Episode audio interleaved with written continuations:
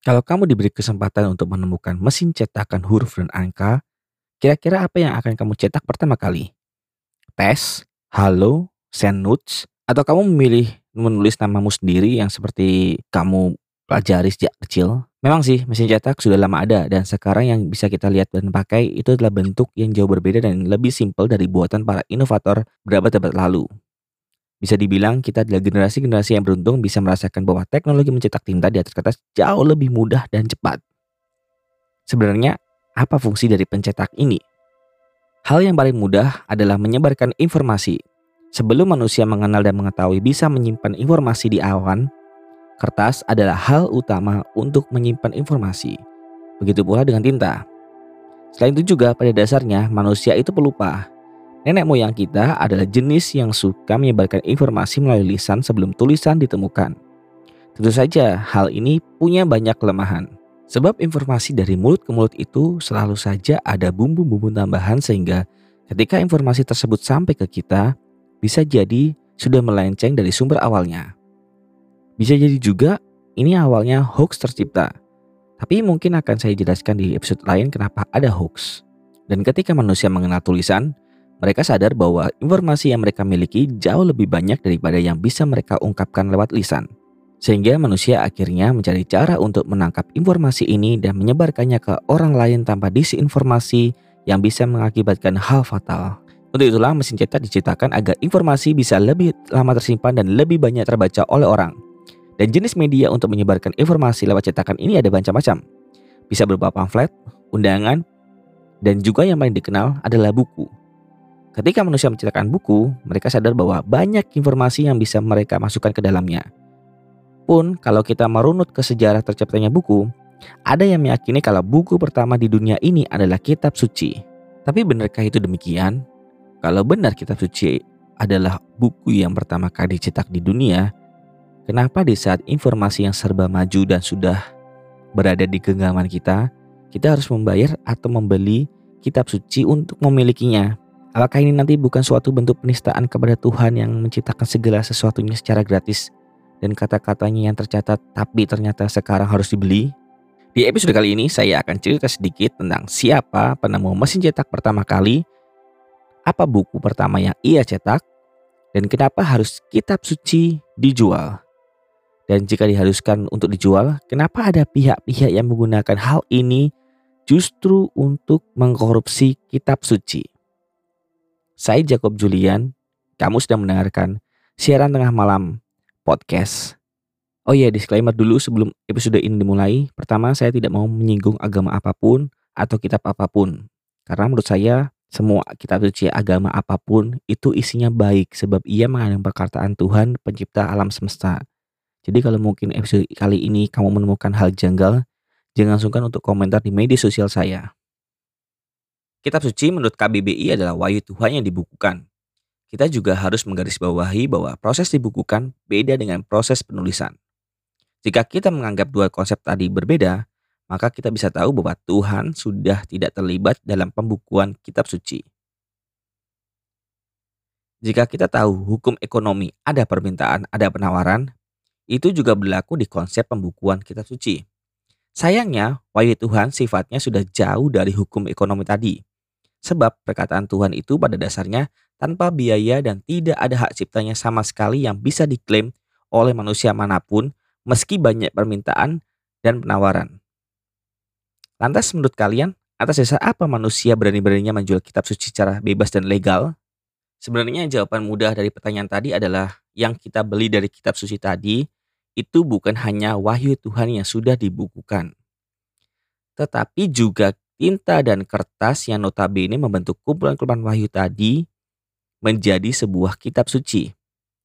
Mungkin konsep semacam ini agak membingungkan untuk orang-orang skeptis di luar sana, maka akan saya permudah sedikit. Di zaman yang serba maju seperti saat ini, kita bisa mendapatkan kitab suci secara gratis dengan mengunduhnya dari ponsel pintar kita. Kita lupakan juga bahwa koneksi untuk mengunduhnya butuh uang, punya ponsel pintar juga butuh uang. Tapi yang kita lihat di sini adalah kitab sucinya. Ada yang menyediakannya secara gratis dan secara legal pula. Tapi semisal kita tidak punya ponsel pintar atau koneksi untuk mengunduh kitab suci, kita bisa membelinya dalam bentuk buku cetak dengan harga yang kalau disamakan itu setara dengan satu paket makanan siap saji. Tapi jika kamu tidak mau mengeluarkan uang dengan dalih kamu ingin mengetes apakah bisa mendapatkan kitab suci berbentuk buku secara gratis, maka cobalah cara ini. Kamu pergi ke tempat ibadahmu. Tanyakan kepada pemimpin tempat ibadah tersebut apakah kamu bisa meminta satu kitab suci untuk kamu miliki. Mungkin jawabannya beragam ya, tapi jika itu hari baikmu, kamu bisa mendapatkannya secara cuma-cuma. Saya yakin itu. Dan jika konsep kenapa kitab suci harus dijual masih membuatmu terganggu, sebenarnya dengan kamu membeli kitab suci versi cetak, kamu sudah membantu usaha percetakan agar tidak bangkrut. Karena kita harus sadar juga bahwa proses pembuatan buku hingga menjadi sebuah cetakan yang bisa kita pegang itu memakan waktu yang lama dan panjang. Jadi harga yang kita bayar itu tidak cuma tinta dan kertasnya saja, kita membayar juga pemasarannya, distribusinya, desain, dan lain sebagainya. Tapi di manakah para pencetak kitab suci itu mendapatkan izin untuk mencetak? Karena kita tinggal di negara hukum, tentu izin semacam ini pastinya ada. Karena kita tidak mau juga kita mencetak kitab suci ternyata isinya berbeda dari ajaran yang sudah absolut dan sudah ditetapkan oleh undang-undang. Entah ada undang-undangnya apa tidak, mungkin sih ada. Tapi tentu ada konsekuensi juga jika kita nekat mencetak kitab suci dari sumber yang tidak valid, karena itu pasti akan menyesatkan. Meski sekarang sumber kitab suci sudah tersedia dengan bebas dan terbuka, ini juga akhirnya membuat beberapa kitab suci memiliki beberapa versi, terutama kitab suci agama Nasrani. Untuk kitab suci agama lain saya kurang mendapatkan risetnya, jadi saya akan kasih contoh dengan Injil. Jadi Injil itu ada berbagai macam versi dan versi yang paling banyak dijual sekarang adalah versi dari Raja James atau King James Version. Dan ternyata Injil ini hak ciptanya dimiliki oleh Ratu Inggris. Tapi beliau mengizinkan penggunaannya secara bebas di mana pun. Dulunya, versi Raja James ini ditulis dengan dialek Inggris pada zaman Shakespeare. Setelah diterjemahkan dengan versi Inggris pada era baru seperti yang kita kenal saat ini, Injil ini masih bebas digunakan dan tapi tidak bisa dicetak ulang. Maksud dari tidak bisa dicetak ulang di sini adalah kamu perlu mendapatkan izin dari pihak-pihak terkait dan untuk versi Raja James ini pihak Cambridge selaku pemegang lisensinya. Jika sudah mendapatkan izin, maka kamu bisa mencetaknya dan menjualnya secara bebas. Ada yang mengatakan kalau Injil bisa dikatakan sebagai satu satunya buku yang dicetak pertama di dunia ini adalah Jonas Gutenberg, seorang penemu dari Jerman yang pertama kali mencetak Injil setelah ia berhasil menemukan sistem cetak yang modern dan revolusioner yang kita kenal sampai sekarang. Gutenberg mencetak Injil yang sampai sekarang disebut sebagai Gutenberg Bible pada tahun 1455 dengan cetakan yang unik. Ia mencetak Injil yang setiap halamannya tercetak dua kolom yang berisi 42 baris. Itulah mengapa Injil ini juga biasa disebut dengan kitab 42 baris yang terjual kala itu dengan harga satu buku seharga 30 florin. Di mana kalau sekarang Gutenberg Bible bisa dibilang adalah salah satu kitab suci paling mahal di dunia karena terjual seharga 4,9 US dollar pada tahun 1987. Nilai ini mahal bukan karena bentuknya yang unik atau bagus, tapi karena nilai historisnya. Saat ini dari 49 Gutenberg Bible yang ada dan berhasil diselamatkan, 21 di antaranya masih versi utuh dan belum termakan zaman, tersebar di seluruh dunia. Selain menjadi bapak penemu mesin cetak modern, nama Gutenberg juga digunakan sebagai salah satu tempat di mana kamu, daripada mengunduh e-book secara ilegal, dengan mengetik gutenberg.org, kamu bisa dengan mudah mengunduh ribuan e-book secara legal dan di sini kamu bisa dapatkan banyak literasi dunia dan menurut saya situs ini sangat layak dikunjungi. Hanya saja Gutenberg Bible sekarang sudah tidak lagi dinobatkan menjadi buku cetak pertama di dunia. Sebab di tahun 1900 seorang biksu di Dunhuang, China di sebuah pos yang dilewati jalur sutra di pinggir gurun Gobi menemukan sebuah kumpulan teks yang membentuk buku di antara 40.000 gulungan dan dokumen tersembunyi di Gua Seribu Buddha. Gua Seribu Buddha sendiri adalah perpustakaan rahasia yang ditutup pada tahun 1000 ketika area tersebut mengalami konflik. Buku yang ditemukan tadi berjudul Diamond Sutra atau The Perfection of Wisdom Text That Cuts Like a Thunderbolt. Menurut para sejarawan, buku ini adalah buku pertama kali yang dicetak di dunia jauh sebelum adanya kitab suci agama-agama lain termasuk Gutenberg Bible. Buku ini dibuat pada tahun 868 menurut tanggal yang dicetak di buku tersebut dan dibuat di Cina pada masa dinasti Tang. Bisa jadi juga buku ini malah ditulis jauh sebelum tahun tersebut sekitar abad keempat atau abad kelima. Karena pengetahuan saya tentang agama Buddha agak kurang, jadi saya sebenarnya agak bingung juga untuk mengkategorikan apakah buku ini termasuk golongan kitab suci agama Buddha atau enggak. Karena keterbatasan informasi inilah yang buat saya tidak berani memberikan informasi yang lebih banyak. Yama Sutra kala itu dicetak dengan menggunakan teknik woodblock printing atau cetakan lewat kayu. Bisa dibilang sih ala-ala stempel kalau sekarang ya.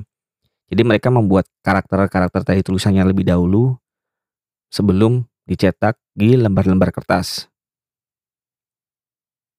Yang bisa saya asumsikan di sini adalah betapa berbudayanya para pencipta mesin cetak ini. Ketika mereka berhasil menemukan alat pencetak buku, yang mereka cetak adalah ajaran agama yang disatukan menjadi kitab suci. Entah susunannya sama yang seperti kita tahu hari ini atau berbeda? Ini bisa diartikan seperti ini sih, mereka tahu ajaran kitab suci itu bagus dan benar. Maka mereka perlu memperbanyak agar orang bisa membaca wahyu Tuhan dalam tulisan ini seperti halnya para pemuka agama. Oke, singkirkan dulu masalah tentang doktrin agama yang fanatik ya. Orang-orang beragama pada masa itu susah mendapatkan kitab suci pegangannya karena pertama, Terjemahannya masih belum sempurna dan kedua, hanya para petinggi yang memiliki akses ke sana. Sehingga para kaum golongan di bawah bangsawan, contohnya rakyat biasa, kesusahan untuk mengakses ini kecuali dibantu oleh pihak-pihak yang berkepentingan. Jika kasus ini pada zaman Gutenberg, maka para petinggi gereja lah yang punya akses ke kitab suci dan juga pihak kekerajaan. Juga agak sayangkan sih bahwa sampai sekarang tidak ada memoir tentang Gutenberg yang bisa menjelaskan kenapa ia memilih kitab suci untuk dicetak dan disebarkan. Yang jelas hingga detik ini kekayaan Gutenberg menjual kitab suci itu nol alias tidak ada sama sekali. Ini dikarenakan Gutenberg kalah tuntutan hukum oleh rekan kerjanya Johann Fuchs. Fuchs inilah yang mendanai seluruh proyek pencetakan Injil. Ia merasa Gutenberg menyalahgunakan uang yang ia berikan. Nah, apakah ingatan kalian terpicu oleh kasus semacam ini? Jika perlu akan saya ingatkan kembali sebuah kasus mirip Fuchs melawan Gutenberg di negara kita ini. Tepatnya di tahun 2011, ada kasus menarik yang mencoreng Kementerian Keagamaan kala itu karena ada anggotanya menjadi tersangka atas kasus korupsi pengadaan Al-Quran. Total uang yang dikorupsi sebesar 22 miliar rupiah sementara negara mengalami kerugian 14 miliar rupiah. Beberapa tersangkanya Sukarnain Jabar yang merupakan anggota Badan Anggaran DPR RI difonis 15 tahun penjara. Sementara Ahmad Jauhari, seorang direktorat Bimas Islam Kementerian Agama, dihukum 8 tahun kurungan penjara.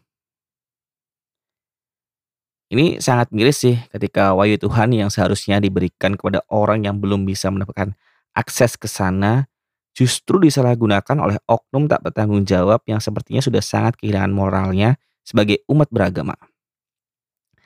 Kenapa saya yakin mereka beragama? Karena tentunya saat mereka disumpah jabatan, mereka disumpah berdasarkan agama yang mereka anut.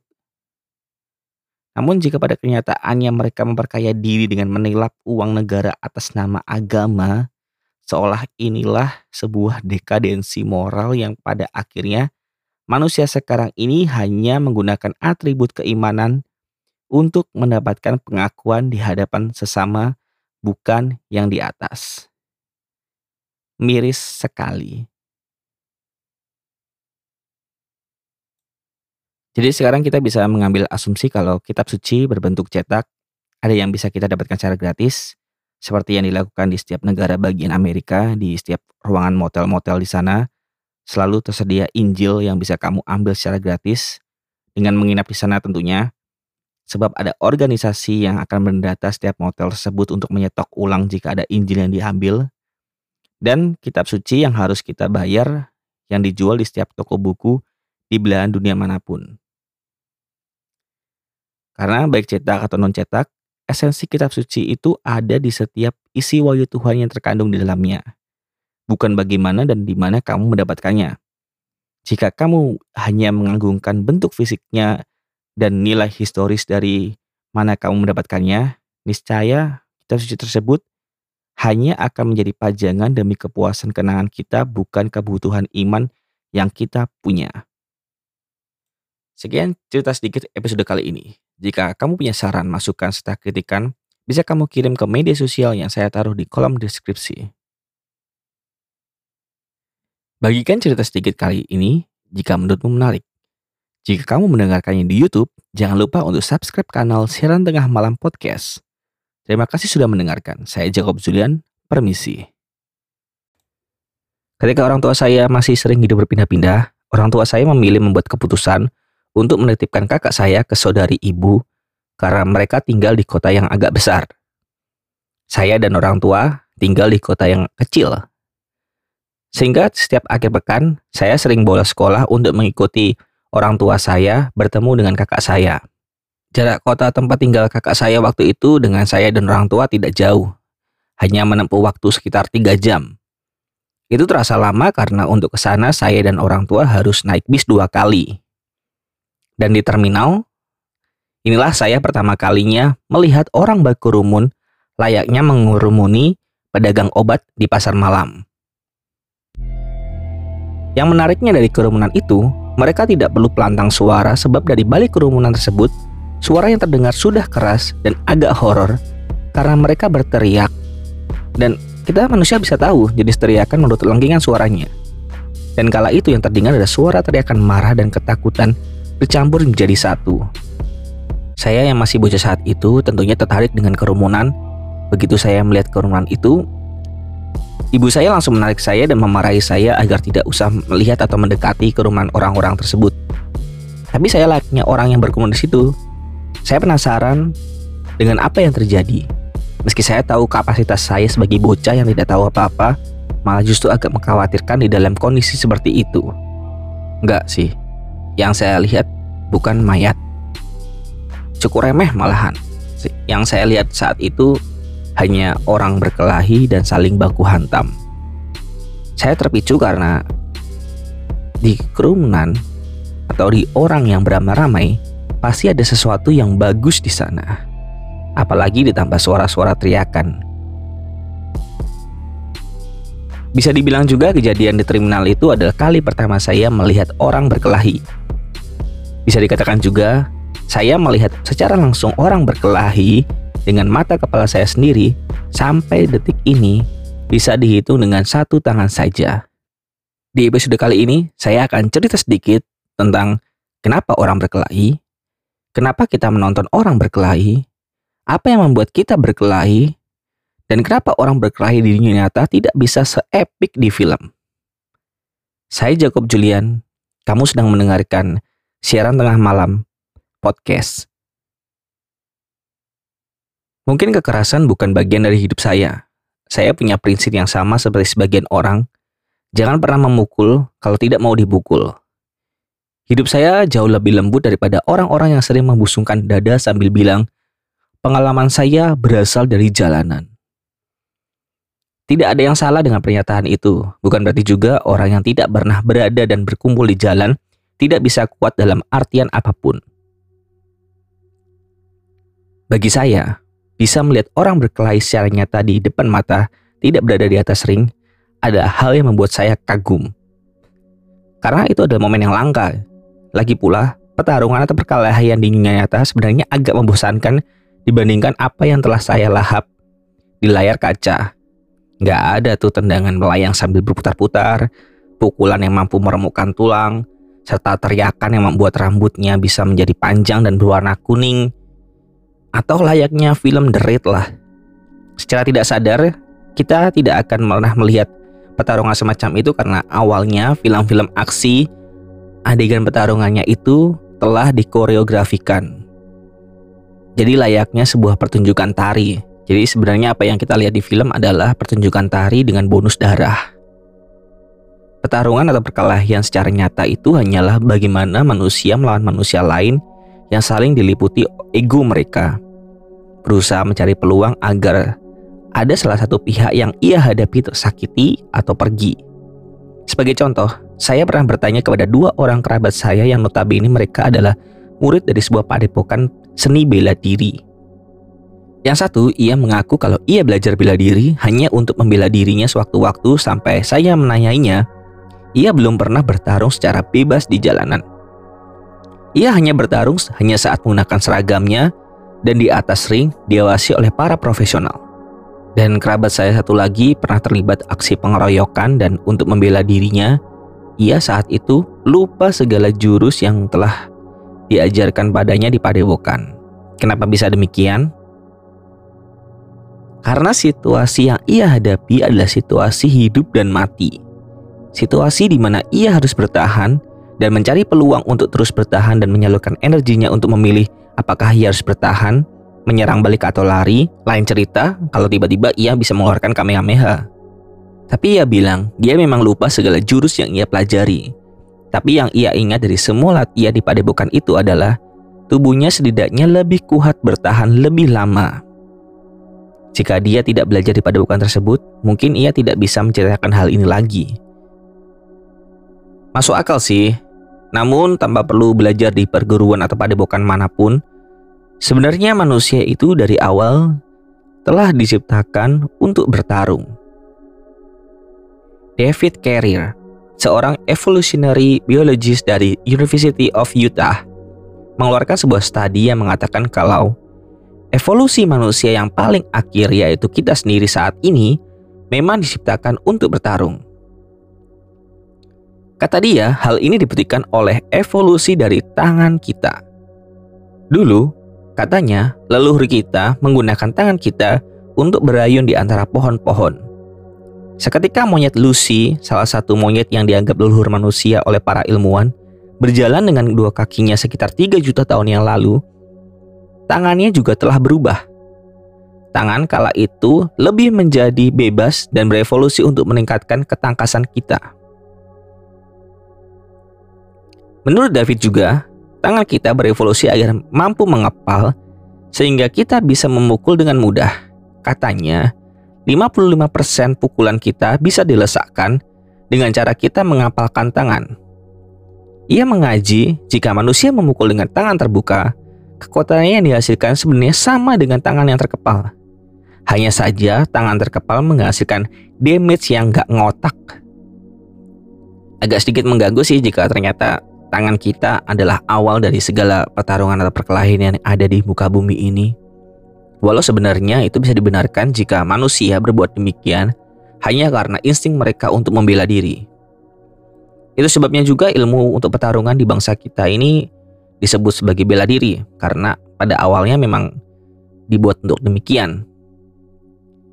Orang bertarung menyakiti sesama dengan tangannya sampai membunuh harusnya disebabkan oleh alasan personal tapi yang harus digarisbawahi di sini adalah pembunuhan bukanlah perang.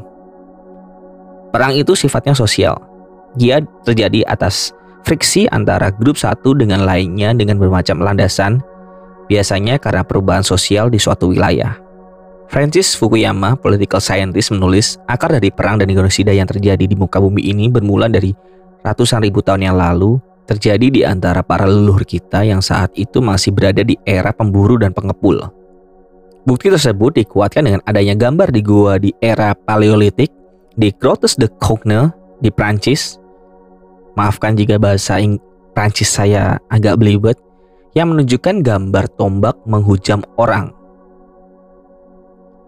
Para ilmuwan juga menyimpulkan jika di zaman Mesolitik, di mana masyarakat sudah hidup dengan sistem yang kompleks, juga terjadi perang. Hanya saja di era ini, pemicunya adalah perebutan sumber makanan. Sehingga agak cukup logis jika saya mengasumsikan bahwa Dari DNA kita, kita adalah jenis spesies yang memang diciptakan untuk bertarung, terlepas entah dari bentuk tubuh kita yang memang diciptakan untuk itu atau enggak. Sampai akhirnya di abad 18, pertarungan dan perkelahian telah mencapai masa di mana ia bisa menjadi sebuah seni pertunjukan. Di mana ketentuannya, yang kalah adalah yang benar-benar tidak bisa melanjutkan pertarungan atau mati. Di Inggris, Pangeran Peterborough menemukan seorang pria dengan tinggi 6 kaki, berat 185 pound, dengan keahlian bertarung di atas rata-rata, setelah pria ini menunjukkan keahliannya bertinju dan anggar. Pangeran Peterborough mengajak pria ini ke kota di mana si pangeran membangun sebuah amphitheater untuk dia melakukan pertunjukan bertarung melawan siapa pun demi merawat keuntungan di situ serta mengajarkan orang untuk mengikuti caranya bertarung. James Vick, nama pria ini, bisa dibilang adalah juara Britania Raya kala itu. Bahkan dia dijuluki sebagai Master of Noble Science of Defense karena keperkasaannya di setiap pertunjukannya. Dari 270 pertarungan, James Vick yang kini dikenal sebagai bapak tinju modern, hanya mengalami satu kekalahan saja yaitu oleh Ned Sutton. Jika tidak ada Vick, mungkin tinju tidak akan populer seperti saat ini. Tinju juga tidak akan seprofesional sekarang. Kita tidak akan bisa mendengar nama Ali, Tyson, Pacquiao, Chris John yang kata sebagian orang tinju adalah olahraga penuh adrenalin yang mengasihkan, tapi bagi saya enggak sama sekali. Bagi sebagian pelakonnya, bila diri bisa menjadi sebuah pendekatan ritual kepada sang pencipta. Kita memiliki tubuh dan berhak atas tubuh ini, dengan mempelajari bela diri, kita dilatih bertanggung jawab atas apa yang telah diberikan. Oleh karena itu, sebisa mungkin kita tidak boleh ada yang menyakiti tubuh ini. Namun saja, bila diri ini sudah masuk ke ranah seni, terutama pertunjukan, sedikit banyak terjadi pergeseran makna dari konsep sebelumnya karena banyak masuk unsur-unsur lain yang terlepas dari konsep bela diri. Terlepas dari seni, perkelahian adalah hal yang sebisa mungkin saya hindari. Karena selama ini saya tidak mau menyakiti orang secara fisik apa pun caranya. Bahkan ketika saya masih SD dan BWF Smackdown sedang booming, meski ditayangkan di malam hari dan teman-teman saya senang mendudukan adegan pertarungan tersebut, saya hanya bisa menikmatinya dari jauh. Dan jika ada teman saya menantang duel ala Smackdown ke saya, saya kemudian akan ingat omelan ibu saya sewaktu saya menonton perkelahian di terminal kala itu. Karena sampai saat ini saya hanyalah penikmat pertarungan dari luaran atau pasif. Saya menikmati pertarungan via medium lain seperti film dan video game karena cukup bagi saya untuk tidak melukai diri saya sendiri secara fisik karena bertarung. Karena saya paham tangan yang saya miliki punya banyak fungsi penting dan tidak masuk di antaranya adalah untuk menyakiti sesama. Apakah kamu juga demikian? Sekian cerita sedikit episode kali ini. Jika kamu ingin berkomentar, silakan komentar di akun sosial media yang saya tulis di kolom deskripsi. Jangan lupa subscribe jika kamu mendengarkan ini di YouTube kanal Sirang Tengah Malam Podcast. Terima kasih sudah mau mendengarkan. Saya Jacob Julian. Permisi.